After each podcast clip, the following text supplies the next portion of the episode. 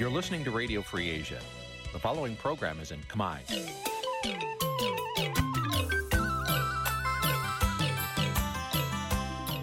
នេះជាកម្មវិធីផ្សាយ Vuthu Azizi Serai នេះជាកម្មវិធីផ្សាយរបស់ Vuthu Azizi Serai ជាភាសាខ្មែរ Vuthu Azizi Serai សូមស្វាគមន៍លោកអ្នកនាងទាំងអស់ពីរដ្ឋធានី Washington នៃសហរដ្ឋអាមេរិកចាប់ផ្សាយផ្ទាល់ពីរដ្ឋធានី Washington នាងខ្ញុំសុកជីវីសូមជម្រាបសួរលោកអ្នកនាងកំពុងតាមដានការផ្សាយរបស់ Vuthu Azizi Serai ទាំងអស់ជាទីមេត្រីយើងខ្ញុំសូមជូនកម្មវិធីផ្សាយសម្រាប់យប់ថ្ងៃអាទិត្យចា15កើតពេញបរមីខែបឋមសាទឆ្នាំថោះបញ្ញស័កពុរសករាជ2567ចាប់ត្រូវនៅថ្ងៃទី2ខែកក្កដាគ្រិស្តសករាជ2023ជាដំបូងនេះសូមអញ្ជើញលោកអ្នកនាង ស្ដាប់ព័ត៌មានប្រចាំថ្ងៃដែលមានមេត្តាដូចតទៅ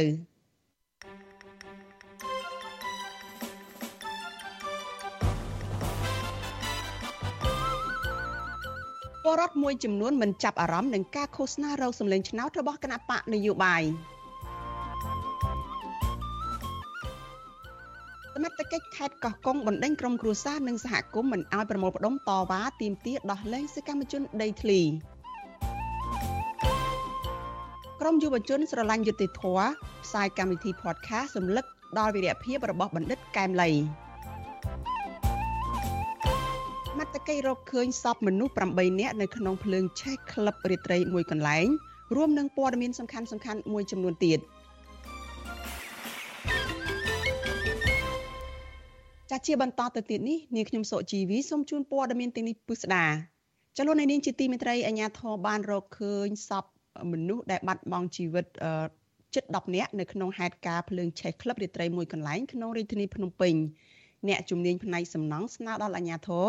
ឲ្យបង្កើតក្រុមត្រួតពិនិត្យប្រព័ន្ធសុវត្ថិភាពនៅតាមអគារជាពិសេសសំណង់អគារចាស់ចាស់នៅតាមទីប្រជុំជន ដើម្បីរក្សាគោលការណ៍សុវត្ថិភាព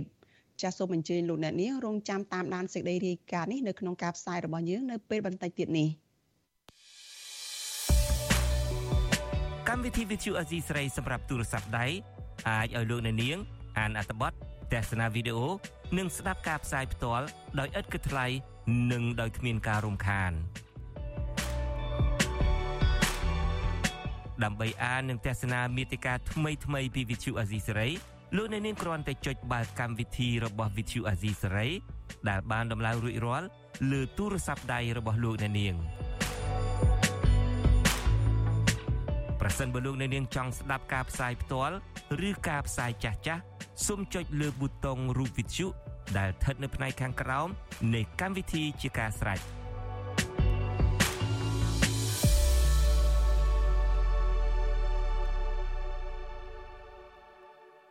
ចាលោកនាងកញ្ញាជាទីមេត្រីចាងាកមកព័ត៌មានតកតងនឹងការឃោសនារោគសម្លេងឆ្នោតរបស់គណៈបកនយោបាយចាដែលបញ្ចប់ថ្ងៃទី2នៃថ្ងៃឃោសនាបោះឆ្នោតនៅថ្ងៃនេះវិញម្ដងចាប្រជាពលរដ្ឋមួយចំនួនមិនបានចាប់អារម្មណ៍នឹងការឃោសនារោគសម្លេងឆ្នោតរបស់គណៈបកនយោបាយនានានោះទេ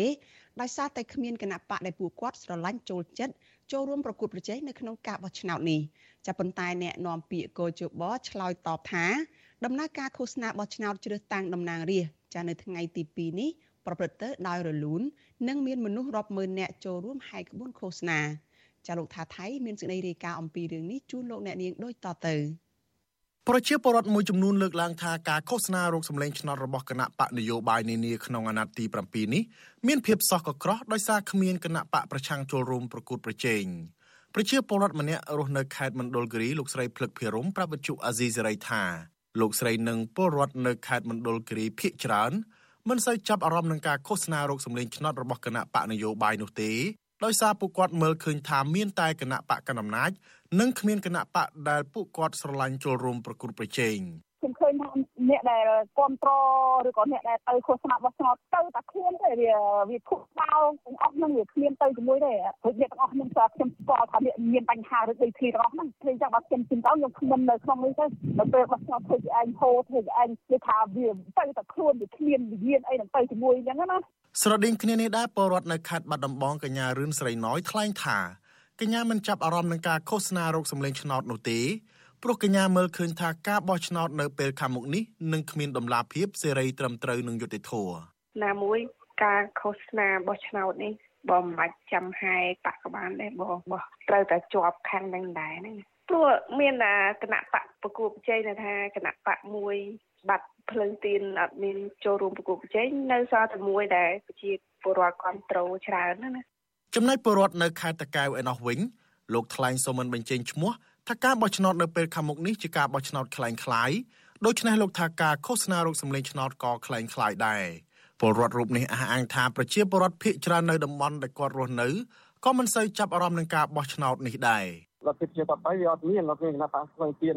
ព្រោះយើងចាប់អារម្មណ៍ចាប់អារម្មណ៍ប៉ុន្តែគណៈបកស្វែងទៀនដល់ពេលយើងអត់មានគណៈបកស្វែងទៀនយើងមានទៅចាប់អារម្មណ៍ទៅបើនិយាយពីរឿងអានេះគោលការណ៍ដែល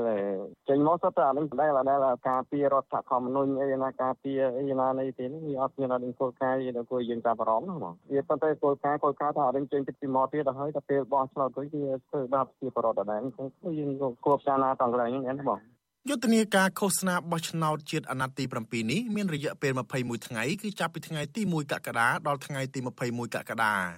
ការបោះឆ្នោតនេះមានគណៈបកនយោបាយសរុប18គណៈបកចូលរួមប្រគល់ប្រជែងក៏ប៉ុន្តែពុំមានគណៈបកភ្លើងទៀនដែលជាគណៈបកប្រឆាំងធំជាងគេចូលរួមនោះទេដោយសារគោលជបដែលស្ថិតក្រោមអធិបុលរបស់គណៈបកកណ្ដាលអំណាចបានហាមមិនឲ្យចូលរួមប្រគល់ប្រជែង តាកតងនឹងបញ្ហានេះអ្នកនាំពាក្យគណៈកម្មាធិការជ្រៀបចំការបោះឆ្នោតលោកហងពុធាប្រាប់វិទ្យុអាស៊ីសេរីថាដំណើរការឃោសនារោគសម្លេងឆ្នោតរបស់គណៈបកនយោបាយនានាចាប់ពីថ្ងៃដំបូងរហូតដល់ថ្ងៃទី2គឺប្រព្រឹត្តទៅដោយរលូនលោកបញ្ជាក់ថាក្នុងនោះគណៈបកនយោបាយខ្លះមានអ្នកចូលរួមឃោសនារាប់ម៉ឺននាក់ហើយតាមដងផ្លូវក្នុងរាជធានីភ្នំពេញនិងតាមបណ្ដាខេត្ត ចំណុចនេះគ្រាន់តែជាការលើកឡើងដើម្បីជំទាស់ជាមួយនឹងដំណើរការប្រព្រឹត្តទៅនៃការឃោសនារបស់គណៈបកទេជាទៅវិញគឺប្រជាពលរដ្ឋលោកបានសម្លឹងមើលដោយយកចិត្តទុកដាក់លោកបានតាមដាននៅខ្លឹមសារដែលផ្សាយជាកម្មវិធីរបស់គណៈបកនយោបាយទាំងការផ្សាយនៅតាមទូរទស្សន៍ហើយនិងជុជាតិផងដែរទោះជាយ៉ាងណានាយកប្រតិបត្តិអង្គការ Netflix លោកសំគុណធីមីមានប្រសាសន៍ថា បើទោះបីជាគណៈបកនយោបាយចំនួន18ចូលរួមប្រគល់ប្រជែងការបោះឆ្នោតក្តីក៏យុទ្ធនាការឃោសនារោគសម្លេងឆ្នោតរយៈពេល2ថ្ងៃមកនេះហាក់មានសភាពស្ងប់ស្ងាត់ជាងការបោះឆ្នោតអាណត្តិមុនមុនលោកបញ្ជាក់ថារយៈពេល2ថ្ងៃមកនេះមានគណៈបកប្រមាណ4ប៉ុណ្ណោះដែលហែឃោសនាធំនៅរាជធានីភ្នំពេញក្នុងនោះគណៈបកប្រជាជនកម្ពុជារបស់លោកហ៊ុនសែនមានមនុស្សច្រើនជាងគេគណៈបកក្រៅពីនោះមានអ្នកចូលរួមតិចតួច ជាបរិបទមិនសូវចាប់អារម្មណ៍ឈរអបអសាទើអញ្ចឹងណាលោកមូលហេតុមិនសូវចាប់អារម្មណ៍គឺថាគិតថាគណៈបកដដែលដែលហ្នឹងមានប្រហែលហ្នឹងក៏គិតថាប៉ុណ្្នឹងដដែលក៏អត់មានអីនេះណាគឺថាមានតែគណៈបកឃើញថាមានតែគណៈបកជាជនមួយទេដែលច្រើនហើយក្បួនហ្នឹងតែហ្នឹងដល់អត់មានគណៈបកតិចតិចតិចទៅមួយទៀតណាបាទដល់ហើយគាត់មិនសូវចាប់អារម្មណ៍ការបោះឆ្នោតជ្រើសរើសតំណាងរាស្ត្រនីតិកាលទី7ខាងមុខនេះនឹងប្រព្រឹត្តទៅនៅថ្ងៃទី23ខែកក្កដាការឃោសនារោគសម្លេងឆ្នោតក្នុងរយៈពេល2ថ្ងៃមកនេះ គណៈបកប្រជាជនកម្ពុជាដង្ហែក្បួនឃោសនាធំនៅទូទាំងប្រទេសដោយមានឡានទំនើបទំនើបនិងមានមន្ត្រីរាជការរាប់ម៉ឺននាក់ចូលរួមចំណែកគណៈបកផ្នែករូបរួមជាតិវិញដឹកនាំដោយប្រធានគណៈបកគឺលោកញឹកប៊ុនឆៃនិងមន្ត្រីជាន់ខ្ពស់គណៈបកនេះគឺលោកយ៉ែមបញ្ញរិទ្ធហើយក្បួនធំនៅខេត្តបន្ទាយមានជ័យរីឯគណៈបកហ្វុនស៊ឹមពេចដឹកនាំដោយព្រះអង្គម្ចាស់នរោត្តមចក្រាវុធហើយក្បួនឃោសនាធំនៅរាជធានីភ្នំពេញទោះជាយ៉ាងណាការបោះឆ្នោតជ្រើសតាំងតំណាងរាស្ត្រនីតិកាលទី7នេះ ត្រូវបានសហគមន៍ជាតិនិងអន្តរជាតិចាត់ទុកថាជាការបោះឆ្នោតคล้ายៗនិងមិនស្របតាមគន្លងប្រជាធិបតេយ្យដោយសារតែលោកហ៊ុនសែនបានរារាំងមិនឲ្យគណៈបកភ្លឹងទៀនដែលមានអ្នកគាំទ្រជិត2លានអ្នកចូលរួមការបោះឆ្នោតខ្ញុំថាថៃពីទីក្រុងមែលប៊នចាលោកនាងកញ្ញាជាទីមេត្រីនៅឯខេត្តកោះកុងឯណោះចាសមត្ថកិច្ចនៅក្នុងខេត្តនេះបានបណ្ដេញក្រុមគ្រួសារនិងពលរដ្ឋដែលមានចំនួនដីធ្លី ឲ្យចេញពីទីតាំងក្បែរតុលាការខេត្តនេះគណៈពួកគាត់បានប្រមូលផ្ដុំគ្នាទាមទារដោះលែងតំណាងទាំង9នាក់របស់ពួកគេចាំមន្ត្រីសង្គមស៊ីវិលចាត់ទុកវិធានការរបស់ក្រមសមត្ថកិច្ចថាជាការធ្វើទរណកម្មផ្លូវចិត្តពលរដ្ឋចាពីរដ្ឋធានី Washington លោកជីវិតារាយការណ៍ព័ត៌មាននេះក្រមប្រជាពលរដ្ឋមានទំនាស់ដីធ្លីជាង30នាក់ក្នុងនោះមានទាំងប្រពន្ធនិងប្តី រួមទាំងកូនតូចតូចរបស់សកម្មជនដីធ្លីនៅខេត្តកោះកុងដែលទើបជាប់ឃុំទាំង9នាក់បានប្រមូលផ្ដុំគ្នានៅក្បែររោងមួយក្នុងទីលានបាល់ទាត់ដែលមានចម្ងាយប្រហែល100ម៉ែត្រពីតុលាការខេត្តកោះកុងដើម្បីតវ៉ាឲ្យតុលាការទម្លាក់ការចោទប្រកាន់និងដោះលែងអ្នកទាំង9នាក់នោះវិញលោកសួសថែតអាយុ42ឆ្នាំប្រាប់វិទ្យុអាស៊ីសេរីនៅថ្ងៃទី2កក្កដាទាំងអួលដើមកថាលោកពុំបានសម្រាប់អស់មួយយប់ ដោយសារនៅអង្គុយចាំបក់មូសឲ្យកូនទាំង3នាក់ដេកក្នុងនោះមានកូនភ្លោះប្រុសស្រីអាយុទៅ3ឆ្នាំ នៅក្បែរសម្រាប់ផ្ទះគេ បន្ទាប់ពីត្រូវបានក្រុមសមត្ថកិច្ចបណ្ដេញពួកលោកមិនអោយបោះតង់សម្រាកនៅក្បែរតុលាការ កាលពីម៉ោង9យប់ថ្ងៃទី2កក្កដាលោកស៊ូថែតបាននាំកូនតូចតូចទាំង3នាក់មកជួបមុខប្រពន្ធគឺលោកស្រីយឺស្រីម៉ៅ ជាអ្នកតំណាងម្នាក់ក្នុងចំណោមទាំង9នាក់ដែលត្រូវបានតុលាការខេត្តកោះកុងចោទប្រកាន់និងឃុំខ្លួននៅពន្ធនាគាររោកូនវាសម្រាប់បានខ្លះដោយសារវាយំរោម៉ែអញ្ចឹងវាភ្ញាក់មកវាយំយើងយើងខុយៗលួងដើម្បីឲ្យដេកប៉ុន្តែវាដេកបានតិចណាស់ដោយសារវាយំរោម៉ែវាពេកយើងអង្គុយបក់អុយអូគុណដេកទៅកាច់មុខខាងចំណែកលោកស្រីបិទឆែតប្រពន្ធលោកហេងជ័យដែលត្រូវបានតុលាការចោទប្រកាន់និងឃុំខ្លួននៅពន្ធនាគារនោះដែរ លើកឡើងថាក្រុមសាច់ញាតិនិងពលរដ្ឋជាង30នាក់បានចេញទៅសុំសម្យាផ្ទះគេស្នាក់នៅ បន្ទាប់ពីក្រុមសមត្ថកិច្ច20ទៅ30នាក់ជិះរថយន្តចំនួន3គ្រឿង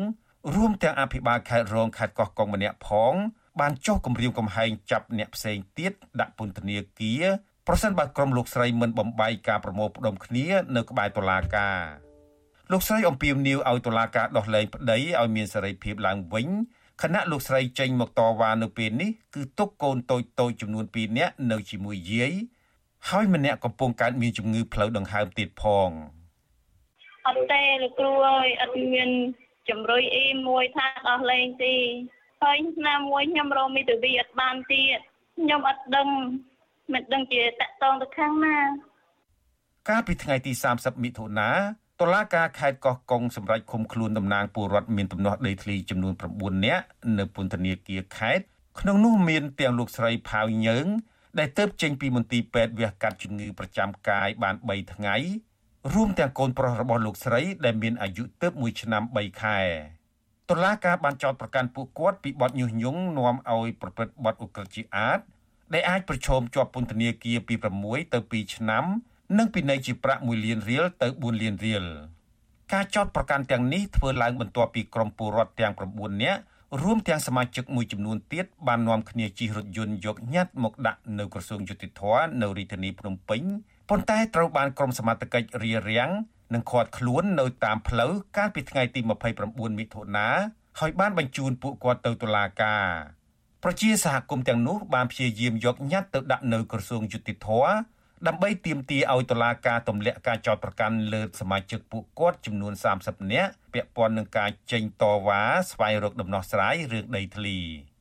ជុំវិញការបណ្ដេញពលរដ្ឋនិងក្រុមគ្រួសារមិនឲ្យប្រមូលផ្ដុំនៅក្បែរតុលាការនេះវិទ្យុអាស៊ីសេរីមិនអាចសុំការបកស្រាយពីស្នងការនគរបាលខេត្តកោះកុងលោកគង់មនោនិងអភិបាលរងខេត្តកោះកុងលោកសុកសុធីបានទេ នៅថ្ងៃទី2កក្កដាជុំវិញរឿងនេះ អ្នកសម្របសម្រួលគម្រោងធុរកិច្ចនិងសិទ្ធិមនុស្សរបស់មជ្ឈមណ្ឌលសិទ្ធិមនុស្សកម្ពុជាលោកវ៉ាន់សុផាត លើកឡើងថាការបណ្ដេញពលរដ្ឋមិនអោយប្រមូលផ្ដុំនៅក្បែរតុលាការគឺជាការរំលោភសិទ្ធិបញ្ចេញមតិរបស់ពលរដ្ឋហើយការសម្លុតនិងគំរាមកំហែងចាប់ដាក់ពន្ធនាគារគឺជាការបំបាក់ស្មារតីនិងធ្វើទរណកម្មផ្លូវចិត្តលើពលរដ្ឋលោកបន្តថាប្រជាពលរដ្ឋទាំងនោះបានរងភាពអយុត្តិធម៌និងរងគ្រោះផ្ទួនផ្ទួន គឺពួកគាត់រងគ្រោះដោយសារការបាត់បង់ដីធ្លី និងពុំអាចរកប្រាក់ចំណូលផ្គត់ផ្គង់គ្រួសារហើយត្រូវមករងគ្រោះប្រឈមនឹងការសម្លុតគំរាមកំហែងនិងការចាប់ចងដាក់ពន្ធនាគារពីសមត្ថកិច្ចថែមទៀតផង។ ចឹងយើងចង់ស្នើសុំឲ្យទី1អាជ្ញាធរគ្រាន់តែអឺបើសិនជាគាត់គ្រាន់តែនៅមុខតុលាការហ្នឹងគាត់នឹងមិនមានប្រើអំពើហិង្សាឬសកម្មភាពអីទេគ្រាន់តែថាធ្វើការមិនស្នើសំណូមពរតុលាការលើកលែងការចោទប្រកាន់ហ្នឹងអាហ្នឹងវាជាសិទ្ធិរបស់ប្រជាពលរដ្ឋដែលចែងនៅក្នុងរដ្ឋធម្មនុញ្ញក្រុមសាច់ញាតិរបស់អ្នកជាប់ឃុំទាំង9នាក់បានព្យាយាមសុំជួបមុខប្តីប្រពន្ធនិងម្ដាយរបស់ពួកគាត់ ដើម្បីសួរសុខទុក្ខនិងផ្ដល់ថ្នាំសង្កូវដោយសារពុំបានជួបមុខគ្នាតាំងពីត្រូវសមត្ថកិច្ចឃាត់ខ្លួនកាលពីថ្ងៃទី29មិថុនាប៉ុន្តែការព្យាយាមស្នើសុំជួបនោះត្រូវបានមន្ត្រីពន្ធនាគារបដិសេធក្រុមសាច់ញាតិរបស់អ្នកជាប់ឃុំទាំងនោះបញ្ជាក់ថាបើទោះបីជាសមត្ថកិច្ចមិនអោយពួកគាត់ជួបគ្នានៅក្បែរតុលាការក្តីក៏ពួកគាត់នឹងមិនត្រឡប់ទៅផ្ទះវិញឡើយដរាបណាតុលាការមិនដោះលែងអ្នកទាំង9នាក់ឲ្យមានសេរីភាពឡើងវិញនោះទេ ខ្ញុំជីវិតាអាស៊ីសេរីចាលោកនាងកញ្ញាជាទីមេត្រីលោកអ្នកកំពុងស្ដាប់វិទ្យុអាស៊ីសេរីចាដែលផ្សាយចេញពីរដ្ឋធានី Washington សហរដ្ឋអាមេរិកចាយើងងាកមកព័ត៌មានតកតនឹងការបោះឆ្នោតចាសម្រាប់ថ្ងៃទី23ខែកក្កដាដែលជាការបោះឆ្នោតជ្រើសតាំងតំណាងរាស្ត្រអាណត្តិទី7នេះវិញចាប្រជាពលរដ្ឋខ្មែរដែលកំពុងរស់នៅក្នុងប្រទេសអូស្ត្រាលី គ្រងនឹងនាំគ្នាធ្វើបាតុកម្មទ្រង់ទ្រាយធំប្រឆាំងការបោះឆ្នោតនៅកម្ពុជានេះដោយសារតែពួកគាត់មើលឃើញថាគឺជាការបោះឆ្នោតคล้ายៗរៀបចំដោយក្រុមលោកហ៊ុនសែនបាតុកម្មនេះគ្រងនឹងធ្វើនៅថ្ងៃទី16ខែកក្កដាដោយចាប់ផ្ដើមពីម៉ោង1ដល់ម៉ោង3ល្ងាចនៅម៉ោង3រសៀលចានៅមុខសាលាក្រុង Springvale ចាទីក្រុង Melbourne នៃរដ្ឋ Victoria ប្រធានប្រតិបត្តិគណៈបកសង្គ្រោះជាតិប្រចាំរដ្ឋ Victoria លោកអិនហេមរ៉ាអំពាវនាវដល់ប្រជាពលរដ្ឋឲ្យចូលរួមបាតុកម្មប្រឆាំងការបោះឆ្នោតคล้ายៗនៅកម្ពុជានេះឲ្យបានច្រើនដើម្បីជួយសង្គ្រោះប្រទេសកម្ពុជាឲ្យមានដំណើរការប្រជាធិបតេយ្យសេរីពហុបកនិងការគោរពសិទ្ធិមនុស្សបាតកម្មហ្នឹងគឺយើងធ្វើឡើងជាប្រជាពលរដ្ឋខ្មែរមានសហគមន៍សមាគមចូលរួមហ្នឹងអឺសម្រាប់យើងអ្នកអ្នកជាតបតៃជាពិសេសខ្មែរយើងនៅប្រ ទេសអូស្ត្រាលីជាពិសេសនៅទីក្រុងមែលប៊នយើងចង់ឃើញលទ្ធិជាតបតៃនៅក្នុងខ្មែរចង់ឃើញការបោះឆ្នោតហ្នឹងសេរីត្រឹមត្រូវតែដោយសារការបោះឆ្នោតនេះយើងគិតថាជាការបោះ ឆ្នោតដោយបង្ក្រប់កិច្ចការបោះឆ្នោតដែលគ្មានគណៈបកប្រកួតប្រជែងឬយ៉ាងថាគណៈបកផ្សេងទៀតដែលមានអ្នកគ្រប់គ្រងដែលយ៉ាងថាអាចប្រកួតប្រជែងបានហ្នឹងមិនអនុញ្ញាតឲ្យចូលរួមប្រកួតប្រជែងហើយមានការធ្វើទុកបុកម្នេញអីហ្នឹងដូច្នេះហើយយើងនឹងធ្វើបាតកម្មដើម្បីបញ្ជូនសារទៅរដ្ឋាភិបាលរបស់លោកហ៊ុនសែនហ្នឹងតែយើងមិនអាចទទួលយកបានទេយើងបដិសេធការបោះឆ្នោតថ្ងៃទី23ខែកក្កដាខាងមុខនេះ បាទតើការធ្វើបាតកម្មនេះមានការរៀបចំបែបណាខ្លះដែរបាទអឺការធ្វើបាតកម្មនេះគឺយើងនឹងមានអ្នកចូលរួមពីខាងអង្គការនានាយើងនឹងជួបជុំគ្នានៅ Spring នៅថ្ងៃអាទិត្យទី16នៅមុខ City នៅពុក City Springvale Town Hall ចិត្ត library ហ្នឹងពីម៉ោង1ដល់ម៉ោងប្រហែលជាម៉ោង3ហើយនឹងយើងនឹងហែទៅផ្សារ Springvale យើងយើងមានសេចក្តីការថ្លែងការណ៍ពីអង្គការនានាហើយអាចថាតំណាងរាស្ត្រយើងនឹង ជាយាមអញ្ជើញតំណាងរាស្ត្រសហព័ន្ធដែរតាមពិតទៅបើយើងនិយាយមែនតើទៅយើងចង់ធ្វើបាតកម្មនេះគឺយើងចង់ធ្វើនៅមុខរដ្ឋសភានៅមែលប៊នយើងក៏ប៉ុន្តែលើនេះសភាគេបានកងដូច្នេះយើងមិនអាចធ្វើបាន យើងឆ្លៀតឱកាសធ្វើនៅ Springvale ដោយសារមានខ្មែរយើងនៅទីនេះច្រើនហ្នឹងបាទតើមានការដាក់ញត្តិដាក់អីទៅខាងរដ្ឋាភិបាលអូស្ត្រាលីហើយទាមទារឲ្យរដ្ឋាភិបាលអូស្ត្រាលីនឹងមានវិធានការអ្វីមួយទេបាទយើងមិនមានជាញត្តិអីទេក៏ប៉ុន្តែយើងនឹងថ្លែងសារយើងដឹងហើយថារដ្ឋាភិបាលអូស្ត្រាលីមិនបញ្ជូនអ្នកស៊ើបអង្កេតហើយនឹងក៏មិននឹងមិនចេញសេចក្តីថ្លែងការណ៍តាក់ទងនឹងការបោះឆ្នោតនឹងដែរហើយខ្ញុំជឿថារដ្ឋាភិបាលអូស្ត្រាលីក៏ដូចជារដ្ឋាភិបាលអ្នកជាធិបតេយ្យនឹងមិនទទួលស្គាល់ការបោះឆ្នោត ដែលគ្មានគណៈបកប្រកួតប្រជែងហើយជាពិសេសថ្មីថ្មីហ្នឹងមានការរៀបចំធ្វើច្បាប់ថ្មីទាក់ទងនឹងការបោះឆ្នោតអីហ្នឹងទាំងអស់នេះបញ្ជាក់ថាបរិយាកាសបោះឆ្នោតមុនបោះឆ្នោតពេលបោះឆ្នោតនិងក្រោយបោះឆ្នោតហ្នឹងគឺបរិយាកាសហ្នឹងគឺមិនសេរីមិនត្រឹមត្រូវដូច្នេះខ្ញុំជឿថារដ្ឋាភិបាលអូស្ត្រាលីមិនអាចទទួលយកបានទេហើយយើងនឹងផ្ញើសារផ្ញើសារនៅពេលដែលយើងធ្វើបាតកម្មហ្នឹងយើងនឹងផ្ញើសារជូនរដ្ឋាភិបាលអូស្ត្រាលីក៏ដូចជាសមាគមអន្តរជាតិដែរ បាទការរៀបចំធ្វើបាតកម្មនេះអាចមានឥទ្ធិពលអឺទៅដល់ការបោះឆ្នោតនៅកម្ពុជាឬក៏ធ្វើឲ្យប៉ះពាល់ដល់ភាពស្របច្បាប់នៃការបង្កើតរដ្ឋាភិបាលថ្មីរបស់ក្រុមលោកហ៊ុនសែននេះបាទទីមួយយើងដឹងហើយថាការការធ្វើការបោះឆ្នោតថ្ងៃទី23នេះគឺខុសច្បាប់ហើយគឺមិនស្របច្បាប់ទេរដ្ឋាភិបាលដែលចេញមកនោះគឺមិនអាចស្របច្បាប់បានទេអឺនឹងអន្តរជាតិដែលគេមិនបញ្ជូនអ្នកខ្លំមើលទៅហ្នឹងគឺនៅក្នុងនៅក្នុងន័យហ្នឹងសម្រាប់យើងដែលធ្វើបាតកម្មដែលលោកថៃថាថាថៃថាមិនអាចមានតាសុទ្ធតើមានអធិពលអីទេសម្រាប់យើងនៅក្នុងបាតកម្មនេះយើងមិនត្រឹមតែបញ្ជូនសារទៅលោកហ៊ុនសែនថាការបោះឆ្នោតហ្នឹងគ្រាន់តែជាការរៀបចំបន្លំឬក៏ដើម្បីផ្ទេដើម្បីតកាន់អំណាចទេគឺយើងធ្វើបាតកម្មដើម្បីបញ្ជូនសារទៅដល់ប្រជាពលរដ្ឋខ្មែរដែលមានសិទ្ធិបោះឆ្នោតគឺទី1ថាគាត់មានសិទ្ធិ មិនមិនទៅចូលរួមការបោះឆ្នោតទី2បើសិទ្ធិជាគាត់ទៅចូលរួមបោះឆ្នោតគាត់ក៏មានសិទ្ធិនៅក្នុងការជ្រើសរើសគណៈបករបស់ដែលគាត់ចង់បានហើយបើសិនជាអត់មានគណៈបកដែលគាត់ចង់បានគាត់អាចខ្វែងស្លឹកឆ្នោតនឹងចោលដូច្នេះយើងបញ្ជូនសារទៅជាពលរដ្ឋខ្មែរតែបដកម្មយើងយើងមិនមែនសំដៅទៅថាបញ្ជូនសារទៅរដ្ឋាភិបាលអូស្ត្រាលីអន្តរជាតិនិងកោជបយទេគឺយើងបញ្ជូនសារទៅអ្នកបោះឆ្នោតនៅស្រុកខ្មែរតែម្ដង ចាស្របពេលដែលរបបដឹកនាំរបស់លោកហ៊ុនសែនកំពុងធ្វើយុទ្ធនាការឃោសនាបោះឆ្នោតដែលសហគមន៍ជាតិនិងអន្តរជាតិចាត់ទុកថាជាការបោះឆ្នោតដែលបង្ក្រប់កិច្ចដោយអាណត្តិមុននោះប្រជាពលរដ្ឋ ជាពិសេសគឺពលរដ្ឋខ្មែរដែលកំពុងរស់នៅតាមបណ្ដាប្រទេសប្រជាធិបតេយ្យមួយចំនួនក៏ចាប់ផ្ដើមធ្វើបាតុកម្មប្រឆាំងការបោះឆ្នោតនេះជាបន្តបន្ទាប់ដែរ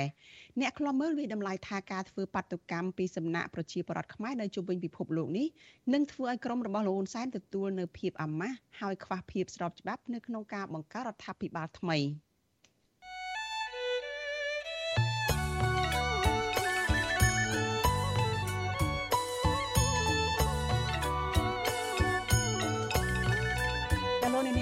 ជាទីមេត្រីចាស់ស្របដំណើរគ្នាចាស់នឹងស្ដាប់ការផ្សាយផ្ទាល់របស់វិទ្យុអាស៊ីសេរីចាស់នៅលើបណ្ដាញសង្គម Facebook YouTube និង Telegram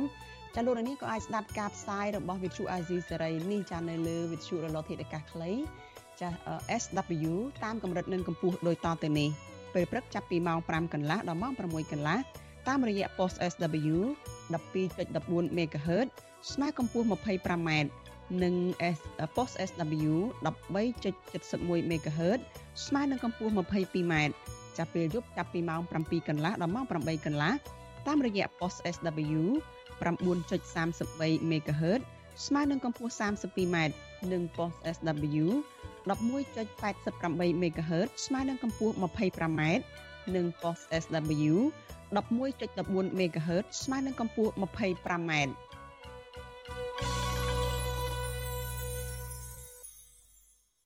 ចាលោកនាងជាទីមេត្រីចាយើងតាមដានព័ត៌មានរបស់វិទ្យុអាស៊ីសេរីជាបន្តទៅទៀតចាព័ត៌មានជាបន្តទៅទៀតនេះតកតនឹងការរំលឹកដល់វីរភាពរបស់បណ្ឌិតកែមលីចាក្រមយុវជនរិះគន់ចាសូមអធិស្ឋានចាព័ត៌មានជាបន្តទៅទៀតនេះចាគឺតកតងទៅនឹងការដែលពលរដ្ឋមួយចំនួនចារិះគន់ការតែងតាំងកូនប្រុសបង្កើតរបស់លោកគីតិចឲ្យធ្វើជាអនុរដ្ឋលេខាធិការក្រសួងប្រៃសណី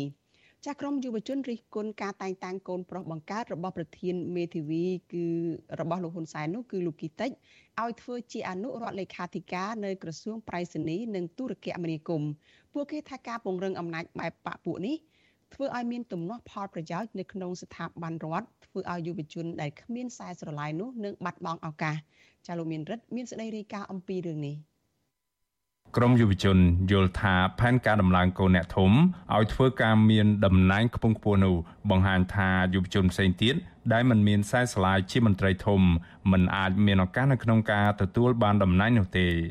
ពលករធ្វើការនៅប្រទេសកូរ៉េខាងត្បូងនិងជាយុវជនគណៈបកភ្លើងទៀនលោកម៉ាត់វ៉ានីថ្លែងថាសង្គមប្រជាធិបតេយ្យការតែងតាំងឬដំឡើងតួនាទីត្រូវផ្អែកលើសមត្ថភាព និងអតីតភាពការងារជាដើម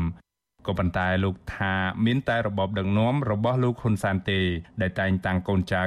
សាច់ញាតិរបស់មេដឹកនាំគណៈបកកណ្ដាលអំណាចឲ្យចូលទៅគ្រប់គ្រងនៅក្នុងក្រសួងស្ថាប័នរដ្ឋតាមវងត្រកូលលោកយល់ថាប្រព័ន្ធដឹកនាំប្រទេសតាមបែបគ្រួសារនិយមនេះបានជះឥទ្ធិពលអាក្រក់ដល់សង្គមជាតិដូចជាចំណាយលុយខ្ជះខ្ជាយបាត់បង់ធនធានមនុស្សដែលមានសមត្ថភាពពិតប្រាកដហើយយុវជនដែលគ្មានលទ្ធភាពឬឪកាន់តំណែងធំធំនោះទេ ពួកគេគ្មានឱកាសបានក្លាយជាអ្នកដឹកនាំស្ថាប័នជាតិឡើយបើសិនគណៈបកប្រជាជនកម្ពុជា នៅតែបន្តក្តោបក្តាប់អំណាចតទៅទៀតនោះប្រទេសកម្ពុជារបស់យើងគឺដំឡើងទូនីតិទៅតាមបពពួកក្រុមគ្រួសារអញ្ចឹងវាធ្វើឲ្យបាត់បង់នៅធនធានមនុស្សពិតប្រាកដ ព្រោះយុវជនខ្មែរច្រើនណាស់ដែលគាត់មានសមត្ថភាពអាចដឹកនាំប្រទេសអាចកាន់មុខនីតិសំខាន់សំខាន់បានប៉ុន្តែគាត់អត់មានលទ្ធភាពក្នុងការប្រកួតប្រជែងទៅយកទូនាទីទាំងអស់នឹងទេដោយសារតែប្រព័ន្ធសន្តនិយមនេះដែលនាំឲ្យបាត់បង់ធនធានមនុស្សជាច្រើននៅក្នុងប្រទេសកម្ពុជាបាទចំណែកយុវតីនៅខេត្តកំពង់ធំវិញកញ្ញារៀមស្រីពេជ្ររតនាថ្លែងថាកញ្ញាស្វាគមន៍ការលើកទឹកចិត្តឲ្យយុវជនមានឱកាសក្លាយជាអ្នកដឹកនាំដើម្បីបម្រើផលប្រយោជន៍របស់ប្រជាពលរដ្ឋ ក៏ប៉ុន្តែកញ្ញាមិនគាំទ្រឡើយចំពោះការតែងតាំងកូនចៅ និងបពពួកនិយម ដែលគណៈបកកណ្ដាលអំណាចកំពុងធ្វើសពថ្ងៃនេះកញ្ញាថាទង្វើបែបនេះធ្វើឲ្យប៉ះពាល់ដល់ទឹកចិត្តនិងស្មារតីស្នេហាជាតិរបស់យុវជនគ្រប់និន្នាការទាំងអស់ដែលពួកគាត់ចង់ក្លាយជាមេដឹកនាំចំណែកឯប្រទេសជាតិវិញក៏ធ្វើដំណើរទៅរកភាពអន់ថយនិងចាកឆ្ងាយចេញពីគន្លងប្រជាធិបតេយ្យ ឲ្យប៉ះពាពាល់ដល់យុវជនមួយចំនួនដែរធ្វើឲ្យពួកគាត់នឹងមានអាភាពមួយបាត់បង់នៅអាមោទនភាពជាតិហើយប៉ះពាល់ដល់ក្តីសម័យពួកគាត់ចង់បានតំណែងនេះតំណែងនោះប៉ុន្តែសង្គមមួយហ្នឹងឱកាសមួយហ្នឹងវាមានតិចភាគរយយើងដៅគោលដៅថាយើងចង់ធ្វើការនៅក្រសួងអីមួយចង់គ្រប់គ្រងនៅក្រសួងអីមួយប៉ុន្តែវាធ្វើឲ្យអាចធ្វើឲ្យរាំងស្ទះថាយើងពុំអាចទៅមុខបានពីព្រោះដោយសារយើងឃើញគោលដៅនៃបពពួកគ្រួសារនិយមរបស់គេបានទៅហើយ ប្រតិកម្មរបស់ក្រមយុវជនទាំងនេះធ្វើឡើងបន្ទាប់ពីព្រះមហាក្សត្រនរោត្តមសីហមុនី កាលពីថ្ងៃទី29ខែមិថុនាបានចេញព្រះរាជក្រឹត្យតែងតាំងកូនប្រុសបង្កើតរបស់លោកគីតិចគឺលោកគីឌីបូម៉ាឲ្យធ្វើជាអនុរដ្ឋលេខាធិការនៃក្រសួងប្រៃសណីនិងទូរគមនាគមន៍តាមការស្នើសុំរបស់លោកនាយរដ្ឋមន្ត្រីហ៊ុនសែនវិសុវអាស៊ីស្រីមិនអាចតាក់ទងលោកគីតិចដើម្បីបញ្ជាក់ជុំវិញរឿងនេះបាននៅឡើយទេនៅថ្ងៃទី2ខែកក្កដា លោកគីឌីបូម៉ាដែលគេស្គាល់ថាឈ្មោះបូម៉ាគីទើបរៀនចប់ថ្នាក់បរិញ្ញាបត្រគ្រប់គ្រងពាណិជ្ជកម្មនិងបរិញ្ញាបត្រច្បាប់កាលពីខែឧសភាឆ្នាំ2022នៅសាកលវិទ្យាល័យ Arizona នៅសហរដ្ឋអាមេរិកកូនប្រុសបង្ការរបស់លោកគីតិចគឺលោកគីឌីបូម៉ាបានសរសេរសារបង្ហោះនៅលើគណនី Facebook អព្រះគុណព្រះមហាក្សត្រដែលបានចេញព្រះរាជក្រឹត្យតែងតាំងលោកឲ្យក្លាយជាអនុរដ្ឋលេខាធិការនៃក្រសួងប្រៃសណី លើពីនេះទៀតលោកក៏គោរពដឹងគុណចំពោះលោកហ៊ុនសាន ដែលបានផ្ដល់ឱកាសឲ្យលោក បានចូលបម្រើការងារជាមួយរដ្ឋាភិបាលហើយលោកបដញ្ញាថានឹងយកកម្លាំងកាយចិត្តចំណេះដឹងទៅបម្រើជាតិនិងក្រុមគ្រួសារលោកហ៊ុនសាន ដោយស្មោះស្ម័គ្របំផុតការទទួលបានទូនាទីខ្ពស់របស់លោកគីឌីបូម៉ានៅពេលនេះទំនងមកពីលោកគីតិចដែលជាឪពុក ធ្វើជាប្រធានក្រុមមេធាវីរដ្ឋាភិបាល និងក្រុមមេធាវីស្ម័គ្រចិត្តរបស់លោកហ៊ុនសាន ដែលមានស្នាដៃរំលាយគណៈបកសង្គ្រោះជាតិកាលពីចុងឆ្នាំ2017រួមទាំងសំណុំរឿងនយោបាយផ្សេងទៀតដើម្បីការពារអំណាចរបស់លោកហ៊ុនសានព្រមទាំងប្រយោជន៍របស់គណៈបកប្រជាជនកម្ពុជា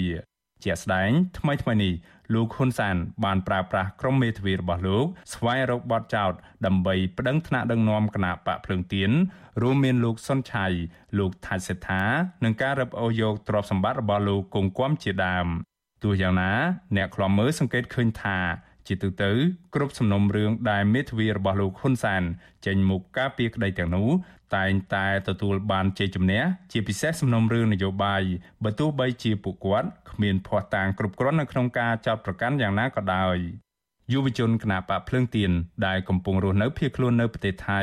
លោកផនផាណានិយាយថាលោកហ៊ុនសានដឹកនាំប្រទេសរហូតមកទល់សពថ្ងៃនេះបានដោយសារតែអំពើហិង្សានិងការរៀបចំការបោះឆ្នោតคล้ายៗដែលយកច្បាប់ធ្វើជាឧបករណ៍នយោបាយហើយបន្ទាប់មកទៀតរៀបចំឲ្យកូនចៅឡើងដឹកនាំប្រទេសជំនួសឪបន្តទៀត លោកយល់ថាការតែងតាំងកូនលោកគីតិចឲ្យក្លាយជាអនុរដ្ឋលេខាធិការក្រសួងប្រៃសណីទំនងជាថ្នូរដែលលោកគីតិចខំជួយការពារគ្រួសារលោកហ៊ុនសាន តាមរយៈការគាស់រំលើងប្រជាធិបតេយ្យនៅកម្ពុជារដ្ឋមន្ត្រីមួយលើកបន្ទប់កូនរដ្ឋមន្ត្រីមួយជាបន្តបន្ទាប់នេះធ្វើឲ្យលទ្ធិប្រជាធិបតេយ្យនៅកម្ពុជានឹងក៏កាន់តែធ្លាក់ចុះហើយអំពើពុករលួយនឹងក៏កាន់តែកើនឡើងយុវជនដែលមានសមត្ថភាព ដែលមានគំនិតក្នុងការអភិវឌ្ឍជាតិគឺมันមានឱកាសក្នុងការកសាងចូលរួមកសាងប្រទេសជាតិទេលោកហ៊ុនសែនគឺគាត់តែងតែតបស្នងនៅអ្នកដែលជួយគាត់ក្នុងការពង្រឹងអំណាចរបស់គាត់អញ្ចឹងការតែងតាំងរបស់កូនលោកគីតិចនេះគឺជាការតបស្នងដែលលោកគីតិចតែងតែជួយលោកហ៊ុនសែនគ្រប់បែបយ៉ាង ជុំវិញរឿងនេះប្រធានអង្គការដំឡាភិបកម្ពុជា លោកពេជ្រពិសីក៏សម្គាល់ថាការតែងតាំងខ្សែស្លាយរបស់មន្ត្រីធំធំ នៅក្នុងជួររដ្ឋាភិបាល រួមទាំងស្ថាប័នរដ្ឋបានកើតមានឡើងជាហូរហែចាប់តាំងពីស្ថាប័នជាតិរហូតដល់ថ្នាក់ក្រោមជាតិលោកថាការតែងតាំងចាក់ស្រេះដោយខ្សែស្លាយបពុនិយមនេះនឹងនាំឲ្យមានទំនាស់ផលប្រយោជន៍សាធារណៈ អំពើពុករលួយនៅក្នុងស្ថាប័នរដ្ឋហើយមន្ត្រីរាជការឬអ្នកតូចតាចគ្មានបពពួកពួកគេពុំមានឱកាសធ្វើការងារធំតាមបំណងរបស់ពួកគេនោះទេតាមការយល់ឃើញរបស់ខ្ញុំគឺបច្ចុប្បន្ននេះកម្ពុជាដូចជាមិនត្រូវការក្បាលម៉ាស៊ីនដែលធំជាងខ្លួនទេបាទក្បាលម៉ាស៊ីនដឹកនាំនឹងធំជាងខ្លួនធំជាងតម្រូវការជាក់ស្ដែងដែលពលរដ្ឋត្រូវការពឹងពាក់សេវាសាធារណៈនឹងការតែងតាំងមន្ត្រីច្រើនពេកទីមួយអត់ចំណេញ ថវិកាទេទី2គឺបង្កឲ្យមានចំណោះផលប្រយោជន៍ហើយមួយវិញទៀតការតែងតាំងហ្នឹងគឺនឹងធ្វើឲ្យអ្នកផ្សេងដែលដែលមានចំណេះហ្នឹងអត់មានឱកាសក្នុងការចូលរួមដឹកនាំប្រទេសរបស់ខ្លួនទេការបញ្ចូលឈាមថ្មីរបស់គណៈបកកណ្ដាលអំណាចទៅក្នុងជួរដឹកនាំរដ្ឋាភិបាលនិងនៅថ្នាក់ក្រោមជាតិបានកើតមានឡើងកាន់តែខ្លាំងឡើងខ្លាំងឡើងក្រោយពេលកម្ពុជាស្ថិតក្រោមការគ្រប់គ្រងតាមបែបឯកប កកូនចៅនិងសាច់ញាតិរបស់មេដឹកនាំគណបកប្រជាជនកម្ពុជាត្រូវបានតែងតាំងជាមេតបមេប៉ូលីសរដ្ឋលេខាធិការអនុរដ្ឋលេខាធិការអគ្គនាយកអគ្គនាយករងអភិបាលខេត្តអភិបាលរងខេត្តហើយទាបបំផុតក៏ត្រឹមអភិបាលស្រុកដែរពួកគេខ្លះរស់នៅនឹងរៀនសូត្រនៅក្រៅប្រទេសរួចត្រឡប់មកកាន់តំណែងក្រាក់ក្រាក់ដែលឪពុកលើកបន្ទប់ឲ្យដោយគ្មានអតីតភាពការងារឬឆ្លងកាត់ការប្រកួតប្រជែងត្រឹមត្រូវនោះឡើយ ក្រមយុវជន ប្រកាសមិនគាំទ្រនយោបាយគ្រប់គ្រងប្រទេសតាមគ្រួសារឬបកពួកនិយមឡើយពីព្រោះកម្ពុជាមិនមែនជាប្រទេសផ្ដាច់មុខរបស់ក្រុមណាម្នាក់នោះទេដូច្នេះហើយពួកគេអំពាវនាវដល់យុវជនទូទៅឲ្យប្រើប្រាស់សិទ្ធិរបស់ពួកគេ ដើម្បីប្រឆាំងទៅនឹងទង្វើគ្រួសារនិងបកពួកនិយមរបស់គណៈបកកណ្ដាលអំណាចខ្ញុំបានមេរិត Visual Asia ស្រី ពីរដ្ឋធានី Washington ចាលោកនាងកញ្ញាជាទីមេត្រីចាយើងងាកមករឿងរ៉ាវដាច់ដោយឡែកមួយទៀតចាក្នុងកម្មវិធី podcast របស់ Vithu Azizi សេរីសម្រាប់សប្តាហ៍កន្លងទៅនេះចាយុវតីដែលធ្លាប់ជាប់ពន្ធនាគារម្នាក់បានរៀបរាប់ធ្វើឲ្យមេរបស់វិទ្យុអាស៊ីសេរីស្រក់ទឹកភ្នែក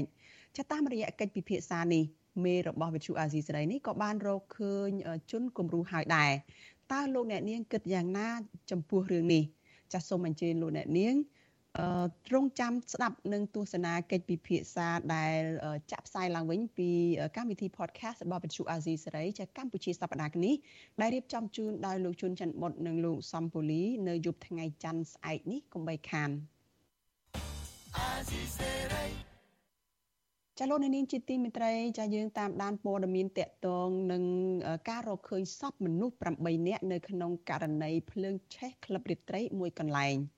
អញ្ញាធិបបានរកឃើញជនរងគ្រោះបាត់បង់ជីវិតជិត10នាក់នៅក្នុងហេតុការណ៍ភ្លើងឆេះក្លឹបរាត្រីមួយកន្លែងក្នុងរាជធានីភ្នំពេញ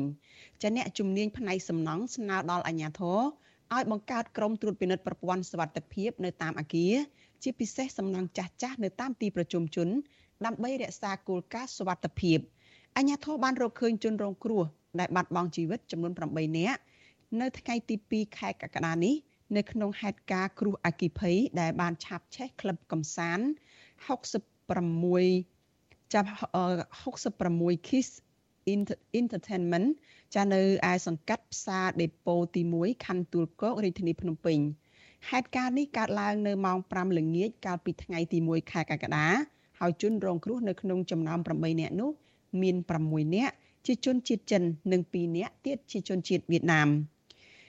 នាយការិយាល័យនគរបាលបង្ការពលរដ្ឋអគិភ័យនិងសង្គ្រោះលោកព្រំយ៉ន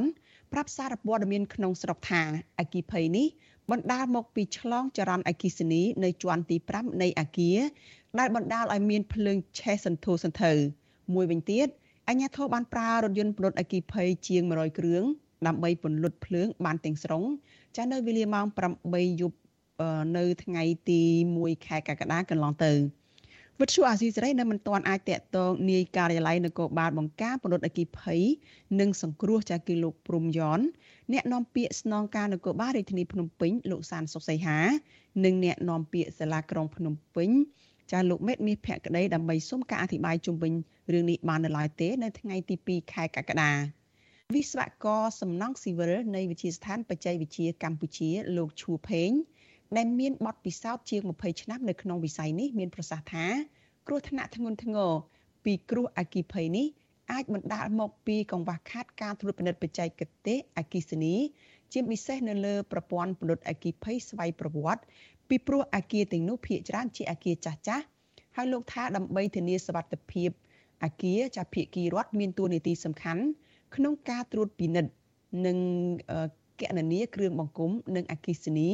មុននឹងអនុញ្ញាតឲ្យគម្រោងសាងសង់លោកបន្ថែមថាម្ចាស់សំណង់អាគារក៏ត្រូវតែព្រឹត្តត្រួតពិនិត្យគិតគូរដល់ប្រព័ន្ធសវត្ថិភាពរួមមានការដាក់បំពង់ពលិតអគិភ័យការគិតគូរច្រកសង្គ្រោះបន្ទាន់ដែលក្នុងករណីមានភ្លើងឆេះនិងប្រព័ន្ធពលិតអគិភ័យស្វ័យប្រវត្តិជាដើម។ ធម្មតាការរៀបចំប្រព័ន្ធភ្លើងការរៀបចំប្រព័ន្ធអីមួយមួយដែលគេដាក់សម្រាប់ប្រើប្រាស់នៅតាមទីកន្លែងមួយវាសិតតែមានមន្ត្រីជំនាញ សហការគ្នាជាមួយអាជ្ញាធរមូលដ្ឋានដើម្បីធ្វើការកំណត់នៅវិតម្លៃអំពីការជិះវាឲ្យមានហានិភ័យខ្ពស់ដូច្នេះការណាត់ដែលមានវាចង់មិនចង់គឺមន្ត្រីជំនាញពាក់ព័ន្ធជាពិសេសសម័យក្រសួងហ្នឹងគឺត្រូវតែទទួលចេញមកក្នុងការទទួលខុសត្រូវហ្នឹងហើយហើយត្រូវធានាថាគ្រឿងទាំងអស់ហ្នឹងដល់ថ្ងៃមុខនឹងមិនមានកើតឡើងទៀតទេព្រោះហ្នឹងក៏វាជាគេហៅថាជាសវត្ថភាពមួយដែរគេចាត់ទុកជាសវត្ថភាពសង្គមមួយដែរ ចាលោកឈួរផេងបន្ថែមថាអាញាធរគួរតែបង្កើតឲ្យមានក្រុមទូលពិនិត្យស្ថានភាពសំណង់និងអគិសនីតាមអគារចាស់ចាស់នៅទីប្រជុំជននៅក្នុងគោលការណ៍សวัสดิភាពដើម្បីបង្ការការបាក់ស្រុតនិងឆ្លងចរន្តអគិសនីជាដើមលោកបន្ថែមថាដើម្បីចុះទៅទូលពិនិត្យសំណង់អគារនោះឲ្យមានប្រសិទ្ធភាពអាញាធរគួរតែលុបបំបាត់អំពើពុករលួយទៅវាគួរតែមានអវពងហ្នឹងជារឿងចាំបាច់ហើយអាហ្នឹងហើយបន្ទាប់មករៀបប្រព័ន្ធ fire fighting ហ្នឹងគឺ ចាំបាច់ទេបើជាស្តង់ដារក្រោយៗមកខ្ញុំឃើញថាក្រសួងមុននឹងចេញចេញខ្លងឲ្យចេញអនុញ្ញាតអនុញ្ញាតឲ្យសាងសង់ហ្នឹងគឺសុទ្ធតែមាន file fighting ហ្នឹងហើយឬប្រព័ន្ធ file fighting ហ្នឹងហើយបញ្ហាមួយទៀតដែលយើងគួរយកទៅទឹកដាក់គឺត្រូវមានច្រកគ្រោះតន់មិនត្រូវតែមានអញ្ចឹងព្រោះប្រព័ន្ធគូស្តង់ដាអ្នកគូជាច្រើនគូស្តង់ដាគឺជាគិតអាហ្នឹងវាជារឿងចាំបាច់ដែរហើយមុននឹងអនុញ្ញាតឲ្យសាងសង់ហ្នឹង ចាតកតងរឿងនេះប្រធានសមាគមសម្ព័ន្ធនិស្សិតបញ្ញវន្តខ្មែរលោកកើតសរាយមានប្រសាសន៍ថាក្រសួងដែលចេញលិខិតអនុញ្ញាតឲ្យមានការសាងសង់អគារនោះគួរតែត្រូវទទួលខុសត្រូវចំពោះបញ្ហានេះនិងបង្កើតឲ្យមានក្រុមការងារជំនាញដើម្បីត្រួតពិនិត្យទៅលើបច្ចេកទេសអគិសនីតាមអគារផ្សេងទៀតក្នុងការធានាសុវត្ថិភាពសង្គមចាការឆ្លងចរន្តអគិសនីនេះបណ្ដាលឲ្យឆេះសំណង់អគារចា69 69 KIS Entertainment ដែលមានបណ្ដោយនិងទទឹង30ម៉ែត្រនិងមានកម្ពស់5ជាន់ធ្វើឲ្យខូចខាតរបស់របរមួយចំនួន និងបាត់បង់ជីវិតមនុស្ស8នាក់អ្នកជំនាញផ្នែកសំណង់ថាហេតុការណ៍នេះកើតឡើងដោយសារតែអគារនេះគ្មានប្រព័ន្ធការពារសុវត្ថិភាពនិងគ្មានការចុះត្រូវត្រួតពិនិត្យបច្ចេកទេសពីអាជ្ញាធរមានសមត្ថកិច្ចរបាយការណ៍របស់នាយកដ្ឋាននគរបាលបង្ការពន្លត់អគិភ័យនិងសង្គ្រោះនៅក្នុងឆ្នាំ2022បានបង្ហាញថា គ្រោះអពីគ្រោះអគិភ័យកើតឡើងជាង600ករណីនៅទូទាំងប្រទេសដែលបណ្ដាលឲ្យឆេះខូចខាតផ្ទះជិត700ខ្នង និងតូបលក់ដូរជាង100តូបនិងមនុស្ស43នាក់បានស្លាប់និងជិត60នាក់រងរបួស។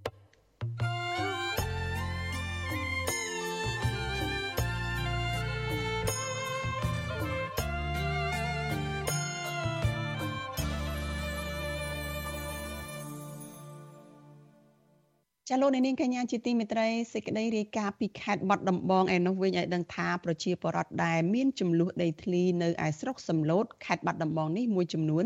ព្រួយបារម្ភពីបញ្ហាសុខភាពនិងការសិក្សារបស់កូនចៅរបស់ពួកគេ នៅក្រៅពេលដែលអាជ្ញាធរបានឈូសឆាយដីផ្ទះរបស់ពួកគាត់មន្ត្រីអង្គការសង្គមស៊ីវិលទទូចឲ្យអាជ្ញាធរថាស្វែងរកដំណោះស្រាយដោយការសន្តោសប្រណីនិងមានចិត្តមេត្តាធម៌ទៅដល់ពលរដ្ឋជាពិសេសគឺក្មេងៗតូចៗ ចាលោកសេចបណ្ឌិត មានសេចក្តីរាយការណ៍អំពីរឿងនេះជូនលោកអ្នកនាងដូចតទៅពលរដ្ឋមានចំនួនដីធ្លី229គ្រួសារនៅក្នុងស្រុកសំឡូតខេត្តបាត់ដំបងព្រួយបារម្ភពីសុខភាព និងការសិក្សារបស់កូនចៅរបស់ពួកគេក្រោយពីអាជ្ញាធរឈូសឆាយផ្ទះសម្បែងពួកគេគ្មានសល់និងមិនទុកពេលសមរម្យឲ្យពួកគេប្រមូលរបស់របរពលរដ្ឋមួយចំនួន មានទាំងចាស់ជរាផងរស់នៅគ្មានផ្ទះសម្បែង កំពុងតែប្រឈមការឆ្លងជំងឺផ្សេងផ្សេងនិងខ្វះខាតស្បៀងអាហារពួកគេសុំដីចំការរបស់អ្នកភូមិស្នាក់នៅបណ្ដោះអាសន្នហើយគ្មានអ្វីហូបចុកនោះទេព្រោះអាជ្ញាធរមិនអនុញ្ញាតឲ្យចូលយករបស់របរប្រើប្រាស់និងសត្វចិញ្ចឹមរួមមានមាន់ទាជាដើមពួកគេរស់នៅគ្មានទឹកប្រើប្រាស់គ្មានបង្គន់អនាម័យនិងគ្មានមុងចងដេកដែលងាយនឹងឆ្លងជំងឺផ្សេងផ្សេងដូចជាជំងឺអាសន្នរោគ និងជំងឺគ្រុនចាញ់ជាដើមពួកគាត់បានដុតកំទេចឈើងាប់ងាប់ដើម្បីដេញមូសនិងបង្កើនកម្ដៅនៅពេលយប់ពលរដ្ឋខ្លះអះអាងថាការខ្វះខាតអាហារនិងថ្នាំសង្កូវគឺបណ្ដាលឲ្យសុខភាពពួកគាត់ចុះខ្សោយនិងប៉ះពាល់ដល់ការលូតលាស់របស់ក្មេងៗហើយនៅក្នុងចំណោមអ្នករស់នៅទីនោះ គឺកំពុងរាករូសនិងក្តៅខ្លួន ពួកគាត់ថាប្រសិនបើស្ថានភាពរស់នៅប្រចាំថ្ងៃនៅតែបន្តក្នុងភាពលំបាកបែបនេះ ពួកគាត់គ្មានលទ្ធភាពបញ្ជូនកូនទៅសាលារៀននោះទេពួកគាត់ត្អូញត្អែថា តាំងពីមករស់នៅទីនោះមិនមានអាជ្ញាធរមូលដ្ឋាន មកសួរនាំពីសុខទុក្ខរបស់ពួកគាត់នោះឡើយក្នុងពេលមេឃកំពុងភ្លៀងនៅថ្ងៃទី1ខែកក្កដាលោកស្រីមុចសខុមដែលកំពុងតែយកកៅស៊ូបិទកន្លែងទឹកភ្លៀងកំពុងសាចូលក្នុងតង់ដើម្បីការពារចៅតូចតូច2នាក់កុំឲ្យសើមទឹកភ្លៀងបានប្រាប់វិទ្យុអស៊ីសេរីថាយប់នេះ ដើម្បីមានកន្លែងគេងគាត់ត្រូវក្រាលតង់កៅស៊ូពីក្រោម និងក្រាលបាវឬការ៉ុងបន្ថែម ដើម្បីការពារកុំឲ្យជ្រាបទឹក លោកស្រីបន្ថែមថាពលរដ្ឋនៅទីនោះកំពុងខ្វះខាតមុងសម្រាប់ចងគេងនៅពេលយប់មុងមានមុងដូចថាខ្លះទៅក៏មានចាស់ទៅខ្លះក៏ថ្មីទៅខ្លះក៏គ្នាអត់ទៅដេកជាមួយគេទៅមកមួយគ្នា4 5នាក់ចឹងទៅ លោកស្រីអះអាងថា ក្នុងចំណោមអ្នករស់នៅបណ្ដោះអាសន្ននៅទីនោះគឺកំពុងតែមានបញ្ហារាករូសដោយសារតែមិនមានរបបអាហារត្រឹមត្រូវនិងគ្មានបង្គន់អនាម័យប្រើប្រាស់លោកស្រីក៏បារម្ភដល់ការសិក្សារៀនសូត្ររបស់ចៅចៅរបស់គាត់ផងដែរ កាលពីគេមិនទាន់ឈូសឆាយផ្ទះចោលមានសាលារៀនអីត្រឹមត្រូវគ្រាន់ក្មេងទៅរៀនមានគាត់ស្ម័គ្រចិត្តបង្រៀនទៅដល់ពេលគេរុញរិះឆាយអស់ទៅក៏បាក់បែកសាមគ្គីគ្នាទៅក៏ក្មេងៗមិនមានសាលារៀនមិនមានអីទេក៏ពិបាកវេទនារាល់ថ្ងៃស្រដៀងគ្នានេះដែរប្រជាពលរដ្ឋម្នាក់ទៀតគឺលោកកៅឌីបានប្រាប់បទសុអសីស្រីដែរថាក្រោយពីអាជ្ញាធរឈូសឆាយផ្ទះ និងមិនអនុញ្ញាតឲ្យទៅប្រមូលយករបស់របរគាត់បានបាត់បង់ម៉ូតូដែលជាមធ្យោបាយធ្វើដំណើរនិងមិនមានអ្វីជូនកូនទៅសាលារៀននោះទេលោកបន្តថានៅពេលគ្មានមធ្យោបាយធ្វើដំណើរយ៉ាងដូចនេះគឺជាផលវិបាកសម្រាប់គាត់និងពលរដ្ឋដទៃទៀតពីព្រោះទីតាំងដែលកំពុងរស់នៅ គឺឆ្ងាយពីទីផ្សារនិងមន្ទីរពេទ្យជិត10គីឡូម៉ែត្រមានអីបងបើបើគ្នាអត់មានសុំទេពឹងបងប្អូនដែលនៅក្រៅក្រៅនេះបង ពឹងបើអ្នកខ្លះអត់ទៅដល់ខ្ញុំខ្ញុំទៅមិនសនមិញបាទខ្ញុំទូផ្ទាល់អ្នកខ្លះនៅតាមតាមផ្លូវអត់កន្លែងដេកអត់តង់ខ្ញុំអំណោយធំតែពួកគាត់ពួកខ្ញុំក៏វេទនាអំណោយធំដូចគ្នាឬមិនយើងមានទុកលំបាកតែមួយលោកកៅឌីបន្ថែមថាពលរដ្ឋមួយចំនួន កំពុងតែជួបបញ្ហាសុខភាព ដូចជាក្តៅខ្លួន និងរាគរូសជាដើម ហើយមានអ្នកខ្លះទៀតកំពុងតែគ្មានអង្គដាំបាយ។ បាទមានចឹងបងគាត់ដុតភ្នក់ភ្លើងខ្លះខ្ញុំទៅសុំខ្ញុំជួបពួកគាត់ដែរគាត់ដុតភ្នក់ខ្លះដុតភ្នក់ទៅខ្លះដល់រឹងថ្មគាត់អាខ្លះនៅកូនឆ្នាំងតូចចឹងបានជាប់ក្នុងមូលរងខោចាខ្លះចានឆ្នាំងអញ្ចឹងគាត់អាថ្មីដែលឆ្នាំងគាត់ទិញពីមុនមកអារឿងបសិទ័រទៅខ្លះ គាត់អត់ឲ្យយួរចេញបណ្ដោយគេថាអត់ឲ្យយួរចេញបិទម៉ោង6បិទឈឹងម៉ោងតាមឿនពួកគាត់ចាប់លក់មឿនជាបរដ្ឋទាំងករងគាត់លក់គាត់ធ្វើជាអាញាធរគាត់យកមឿនជាជាបរដ្ឋលក់រាប់រយអញ្ចឹងគាត់បង្កើតបង្កើតច្បាប់មកបង្កើតមកសម្រាប់ជាបរដ្ឋបង្កើតច្បាប់មកបរើជាបរដ្ឋខ្ញុំស្គាល់វត្តសុអាស៊ីសេរីនៅមិនទាន់អាចតាក់ទងមេឃុំតាតោកលោកអុកខេមអភិបាលស្រុកសំឡូតលោកសើសមេត និងអភិបាលខេត្តបាត់ដំបង លោកសុកលូដើម្បីសុំការអធិប្បាយជុំវិញបញ្ហានេះបាននៅឡើយទេ កាលពីថ្ងៃទី1ខែកក្កដាទោះយ៉ាងណាអ្នកសម្របសម្រួលផ្នែកឃ្លាំមើលការរំលោភសិទ្ធិមនុស្សនៃអង្គការលីកាដូប្រចាំនៅខេត្តបាត់ដំបង គឺលោកអិនគង់ចិត្តមានប្រសាសន៍ថាប្រតិបត្តិការរបស់អាជ្ញាធរក្នុងការបណ្ដេញពលរដ្ឋទាំង229គ្រួសារចេញដោយបង្ខំនិងមិនបានទុករយៈពេលសមរម្យឲ្យពួកគាត់បានប្រមូលយកសម្ភារៈប្រើប្រាស់ផ្សេងៗនោះគឺធ្វើឲ្យពលរដ្ឋមានភាពលំបាកលោកបន្តថាក្នុងរដូវនេះ គឺមានភ្លៀងធ្លាក់ច្រើន ហើយតំបន់ដែលពលរដ្ឋរស់នៅ គឺជាតំបន់ភ្នំ ដែលធ្វើឲ្យពួកគេកំពុងតែប្រឈមនឹងបញ្ហាគ្មានទីជម្រកខ្វះខាតស្បៀងអាហារគ្មានទឹកស្អាតប្រើប្រាស់គ្មានបង្គន់អនាម័យហើយនៅឆ្ងាយពីមន្ទីរពេទ្យទៀតបញ្ហាអស់ទាំងនេះនឹងធ្វើឲ្យពួកគេប្រឈមនឹងជំងឺឆ្លងនានាដូចជាជំងឺគ្រុនចាញ់និងជំងឺរាករូសជាដើមលោកអំពីវនីវដល់អាជ្ញាធរឲ្យស្វែងរកដំណោះស្រាយប្រកបដោយមេត្តាធម៌ និងផ្ដល់មន្ត្រីសុខាភិបាលដើម្បីចុះទៅពិនិត្យសុខភាពពួកគេ ហើយបើកផ្លូវឲ្យពួកគេ បានទៅប្រមូលយករបស់របរមកប្រើប្រាស់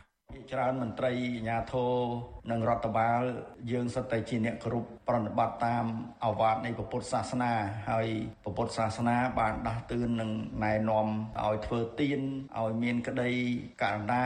មុទិតា គឺព្រមហេធរអញ្ចឹងគូតែអាណិតដល់ពួកគាត់ ហើយចំពោះកុមារបាទចំពោះកុមារតូចតូចគួរតែឲ្យពួកគាត់បានបកលក្ខណៈឲ្យពួកគាត់បានរៀនសូត្រហើយផ្នែកសុខាភិបាល បាទគួរតែបញ្ជូនមន្ត្រីសុខាភិបាលទៅតំបន់ហ្នឹងដើម្បីពិនិត្យទៅលើបញ្ហាសុខភាពពួកគាត់ដែលពួកគាត់ប្រឈមថ្មីថ្មីនេះអាចនឹងមានការឆ្លងជំងឺជាពិសេសគឺជំងឺគ្រុនចាញ់បាទអាញាធរស្រុកសំឡូតខេត្តបាត់ដំបង នៅថ្ងៃទី28មិថុនាកន្លងទៅ បានប្រើគ្រឿងចាក់ឈូសឆាយផ្ទះសម្បែងប្រជាពលរដ្ឋអស់ជាច្រើនគ្រួសារក្រោមហេតុផលថាប្រជាពលរដ្ឋទាំងនោះសង់ផ្ទះរំលោភលើដីរបស់ក្រសួងកសិកម្មហើយបានហាមឃាត់មិនឲ្យពលរដ្ឋចូលទៅប្រមូលយកទ្រព្យសម្បត្តិនិងសត្វចិញ្ចឹមពួកគេចេញពីទីនោះឡើយ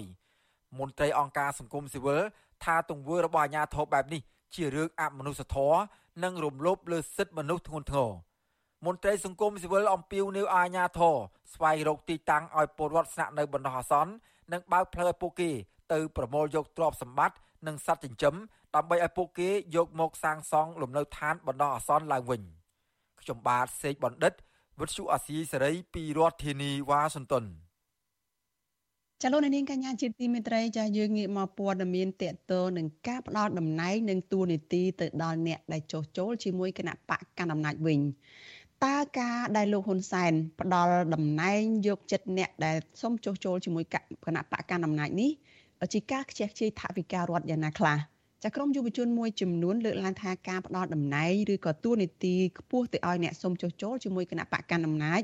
ដោយលោកយមត្រីហ៊ុនសែននោះគឺជាការយកធនធានរដ្ឋទៅចំណាយខ្ជះខ្ជាយពួកគេស្នើឲ្យលោកហ៊ុនសែនគិតគូរពីយុវជនដែលមានចំណេះមានជំនាញដើម្បីជំរុញឲ្យមានការអភិវឌ្ឍជាតិពិតប្រាកដ មន្ត្រីអង្គការសង្គមស៊ីវិលយល់ឃើញថារដ្ឋាភិបាលគួរតែបែងចែកឲ្យបានដាច់រវាងប្រយោជន៍ជាតិនិងប្រយោជន៍បុគ្គលពីព្រោះការដែលធ្វើឲ្យគិតគូរពីប្រយោជន៍បុគ្គលនេះអាចនឹងធ្វើឲ្យខាតទៅដល់ការអភិវឌ្ឍប្រទេសចាលោកយុនសមៀនមានសេចក្តីរាយការណ៍អំពីរឿងនេះយុវជនមួយចំនួនដែលមានចំណេះដឹងប៉ុន្តែពុំទទួលបានឱកាសបញ្ចេញសមត្ថភាពដើម្បីបម្រើផលប្រយោជន៍ដល់ប្រទេសជាតិដោយសារតែពួកគេមិនបានចោះចូលជាមួយរដ្ឋាភិបាលលោកហ៊ុនសែន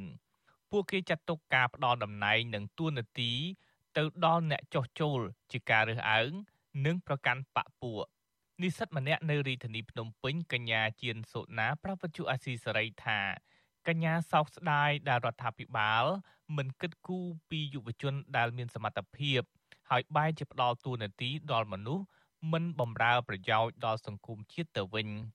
កញ្ញាថាបញ្ហានេះធ្វើឲ្យយុវជនខ្លះបាត់បង់ការសិក្សាហើយចាក់ចេញពីស្រុក ដើម្បីរកការងារធ្វើដូចជាបងប្រុសកញ្ញាជាដើម ដោយសារតែអស់ជំនឿលើការរកការងារធ្វើនៅក្នុងស្រុក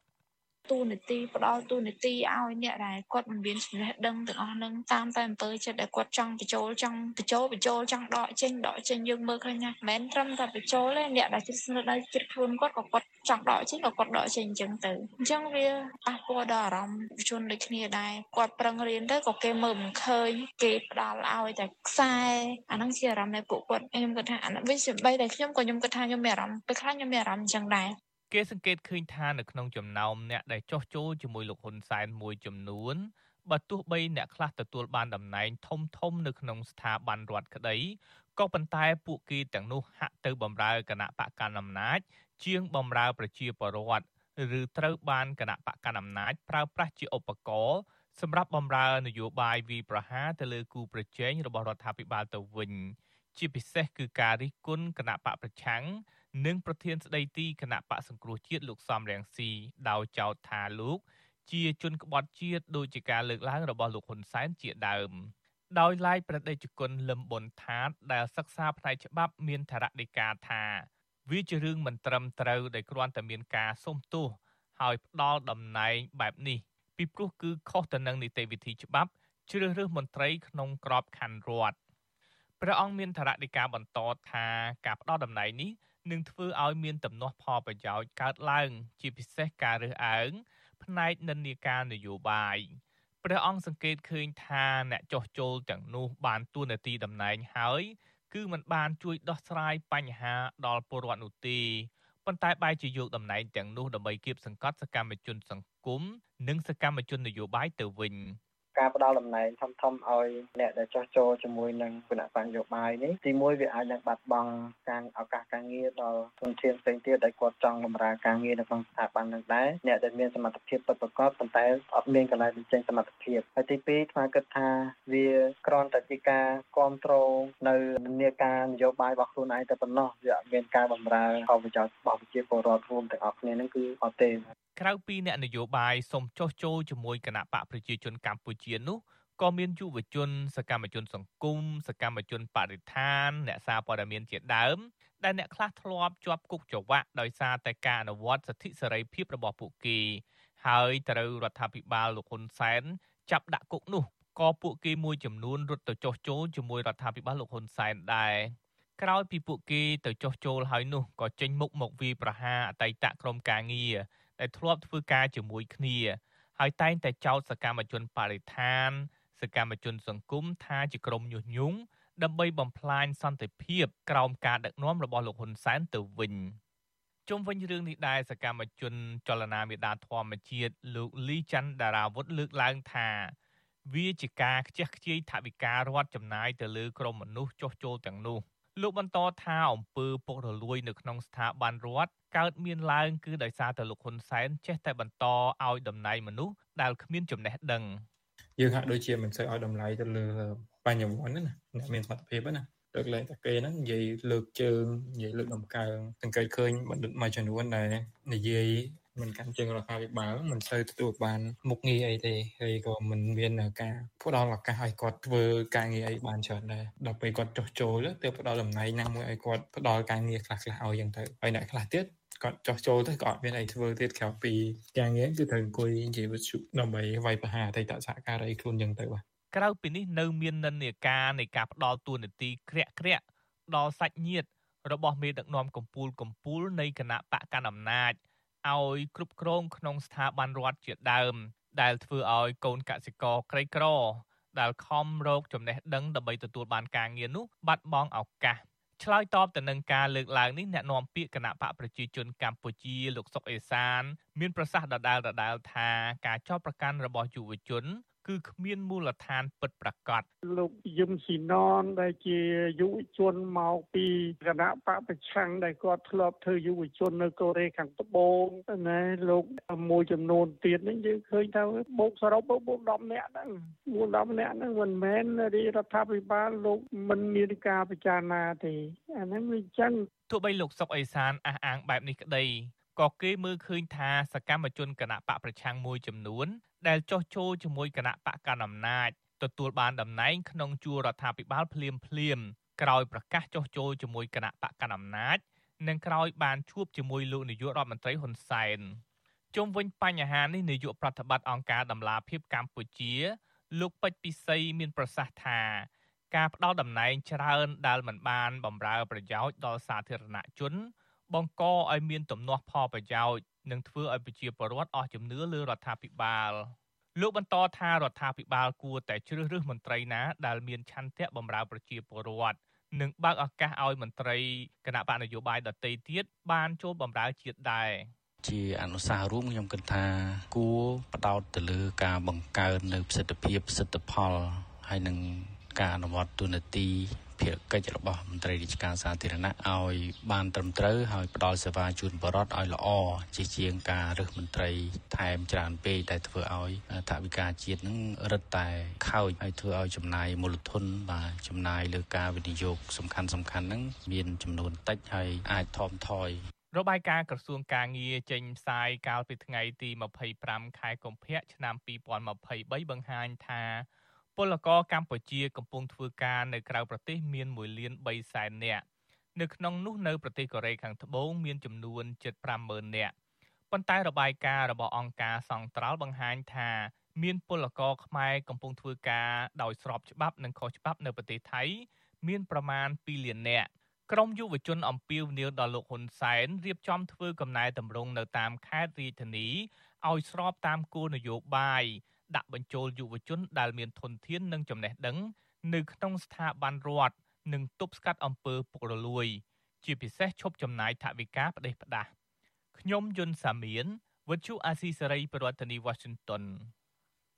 ចាលោកនាងជាទីមេត្រីចាព័ត៌មានជាបន្តទៅទៀតនេះគឺតកតនឹងក្រុមយុវជនដែលស្រឡាញ់យុត្តិធម៌ចានាំគ្នាផ្សាយកម្មវិធី podcast រំលឹកពីវីរភាពរបស់លោកកែមលីចាលោកមានរិទ្ធមានសេចក្តីរាយការណ៍មួយទៀតអំពីរឿងនេះ ក្រមយុវជនស្លាញ់យុទ្ធធររៀបចំកម្មវិធី podcast ក្រោមប្រធានបទវេរភាពបណ្ឌិតកែមលីក្នុងគោលបំណងផ្សព្វផ្សាយពីកម្រងទស្សនៈបទវិភាគនិងជីវប្រវត្តិតស៊ូរបស់បណ្ឌិតកែមលីកម្មវិធីនេះមានការចូលរួមជជែកពិភាក្សាពីសកម្មជនចលនាមេដាធម្មជាតិលោកលីច័ន្ទរាវុធនិងសកម្មជនសិទ្ធិមនុស្សនិងបរិស្ថានលោកសាន់ម៉ាឡា សកម្មជនសិទ្ធិមនុស្សនិងបរិស្ថានលោកសាន់ម៉ាឡាថ្លែងថាលោកបណ្ឌិតកែមលីគឺជាមនុស្សសាមញ្ញរស់រាយរាក់ទាក់មិនចេះប្រកាន់ខ្លួនជាមួយយុវជន និងប្រជាសហគមន៍នៅពេលដែលគាត់ចុះទៅសហគមន៍និងចូលរួមកម្មវិធីផ្សេងៗលោកបន្តថាលោកចងចាំពីបណ្ដាំលោកបណ្ឌិតកែមលីកំឡុងពេលលោកបណ្ឌិត ធ្វើជាវាគ្មិននៅតំបន់អរ៉ែងដែលលោកបណ្ឌិតបានលើកឡើងពីការការពារព្រៃឈើថាគមនាគមន៍មានតួនាទីសំខាន់នៅក្នុងការជួយការពារព្រៃឈើដូច្នេះហើយរដ្ឋាភិបាល គួរតែផ្ដល់ឱកាសឲ្យពួកគាត់ការពារទាញយកផលប្រយោជន៍ពីការលក់កាបូនពីព្រៃឈើ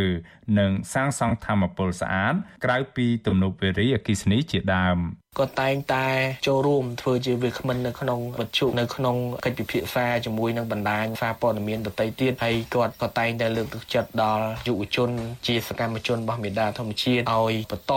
ការខិតខំប្រឹងប្រែងរបស់យើងតទៅទៀតដើម្បីថែរក្សាព្រៃឈើនៅក្នុងតំបន់មួយនេះបាទនេះនេះជាអ្វីដែលខ្ញុំចងចាំពីលោកបណ្ឌិតកែមលីរីឯសកម្មជនចលនាមេដាធម្មជាតិលោកលីច័ន្ទដារាវុធប្រាវិសុយស៊ីស្រីនៅថ្ងៃទី2ខែកក្កដាថា កម្មវិធី podcast នេះចាប់ផ្ដើមធ្វើពីថ្ងៃទី1ខែកក្កដារហូតដល់ថ្ងៃទី10ខែកក្កដាហើយបើកទូលាយឲ្យមានការចូលរួមជជែកពិភាក្សា ពីសំណាក់ក្រមយុវជន សកម្មជនសង្គមដើម្បីបង្ហាញពីការគោរពដឹងគុណដល់ការលះបង់របស់លោកបណ្ឌិតកែមលីលោកបន្តថាលោកមិនរំពឹងថាមានពន្លឺយុត្តិធម៌ពីតុលាការនិងភាគីពាក់ព័ន្ធជូនលោកបណ្ឌិតកែមលីនោះទេ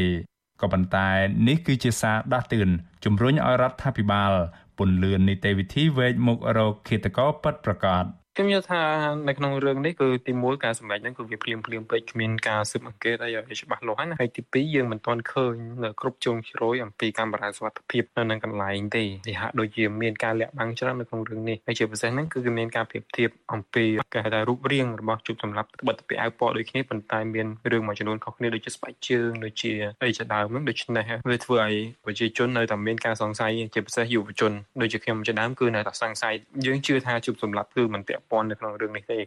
ក្រៅពីកម្មវិធី podcast នៅមានកម្មវិធីទាត់បាល់ពានរង្វាន់បណ្ឌិតកែមលីនិងកម្មវិធីបាងស្កូលឧទ្ទិសកុសលជូនលោកបណ្ឌិតកែមលីនៅ Starmat Stop Boko នៅថ្ងៃទី10ខែកក្កដាឆ្នាំនេះបន្ថែមពីនេះក្រុមសកម្មជនចលនាមេដាធម្មជាតិក៏មានសកម្មភាពសម្ដែងមតិ នៅទីសាធារណៈមួយផ្សេងទៀតដែលគ្រោងនឹងធ្វើនៅថ្ងៃទី10ខែកក្កដាឆ្នាំនេះដើម្បីរំលឹកពីវីរភាពរបស់បណ្ឌិតកែមលីអ្នកស្រាវជ្រាវការអភិវឌ្ឍសង្គមនិងជាអ្នកវិភាគនយោបាយដ៏មានប្រជាប្រិយភាពបណ្ឌិតកែមលីត្រូវបានខ្មាន់កំភ្លើងបាញ់សម្លាប់កាលពីព្រឹកថ្ងៃទី10ខែកក្កដាឆ្នាំ2016នៅហាងកាហ្វេ Starman នៅក្នុងស្ថានីយ៍លក់ប្រេងឥន្ធនៈកាល់តិចក្នុងរាជធានីភ្នំពេញការបាញ់ប្រហារនេះ កើតឡើងក្រោយពីអ្នកវិភាគរូនេះបានផ្ដល់បទសម្ភាសន៍ដល់បណ្ដាញព័ត៌មានអំពីការកាន់កាប់ទ្រព្យសម្បត្តិនិងក្រុមហ៊ុនដ៏ច្រើនសន្ធឹកសន្ធាប់របស់ក្រុមគ្រួសារលោកនាយរដ្ឋមន្ត្រីហ៊ុនសែនដែលបានលាតត្រដាងនៅក្នុងរបាយការណ៍របស់អង្គការឃ្លាំមើលពិភពលោក Global Witness សំណុំរឿងឃាតកម្មដ៏កក្រាំងនេះតឡាការបានផ្ដន្ទាទោសបរិម្នាក់ឈ្មោះអឿតអាង ដែលហៅខ្លួនឯងថាជួបសម្លាប់ឲ្យជាប់ពន្ធនាគារអស់មួយជីវិត ក៏ប៉ុន្តែក្រុមគ្រួសារជនរងគ្រោះព្រមទាំងសហគមន៍ជាតិនិងអន្តរជាតិចាត់ទុកថាជួបសម្លាប់គឺគ្រាន់តែជាឃាតករសបនិមិត្តតែប៉ុណ្ណោះគិតមកទល់ពេលនេះតឡាការនៅមិនទាន់ស៊ើបអង្កេតរកមុខឃាតករពិតប្រាកដនិងអ្នកពាក់ព័ន្ធផ្សេងទៀតយកមកកាត់ទោសតាមការស្នើសុំរបស់គ្រួសារបណ្ឌិតកែមលីនិងអ្នកគោរពស្រឡាញ់លោកនោះទេមន្ត្រីសម្របសម្រួលគម្រោងនៃសមាគមបណ្ដាញយុវជនកម្ពុជាហៅកាត់ថា CYN លោកអូឡាទីន មានប្រសាសន៍ថារយៈពេល7ឆ្នាំមកនេះលោកបណ្ឌិតកែមលីនៅតែមិនទាន់ទទួលបានយុត្តិធម៌នៅឡើយទេដែលបញ្ហានេះបង្ហាញឲ្យឃើញថារដ្ឋាភិបាលកម្ពុជាមិនបានយកចិត្តទុកដាក់ដើម្បីស្វែងរកយុត្តិធម៌ជូនបណ្ឌិតកែមលីនិងក្រុមគ្រួសាររបស់លោកនៅឡើយទេលោកបន្តថាកម្មវិធីនេះក៏ផ្ដល់ឱកាសឲ្យយុវជនពង្រឹងឆន្ទៈមនសិការស្នេហាជាតិរបស់ខ្លួន តាមរយៈការហ៊ាននិយាយការពិតនិងការចូលរួមលើកកម្ពស់សិទ្ធិសេរីភាពនៃការបញ្ចេញមតិទីមួយគឺសូមស្នើសុំឲ្យបងប្អូនយុវជនអ្នកដែលគ្រប់ឆ្លាញ់លោកបណ្ឌិតកែមលីសូមរក្សានៅមនសិការរបស់លោកបណ្ឌិតកែមលីគឺយើងឆ្លាញ់សង្គមរបស់យើងហើយយើងចូលរួមជឿឆ្អាលបញ្ហានៅក្នុងសង្គមរបស់យើងទាំងអស់គ្នាបើសិនជាយើងរំពឹងទៅអាជ្ញាធររដ្ឋដូចយើងឃើញបច្ចុប្បន្នអញ្ចឹងរឿងករណីខ្លះតែមិនមែនកាត់ឡើងដោយវិជាពលរដ្ឋតូចតាចជាអ្នកបង្កើតទេករណីខ្លះ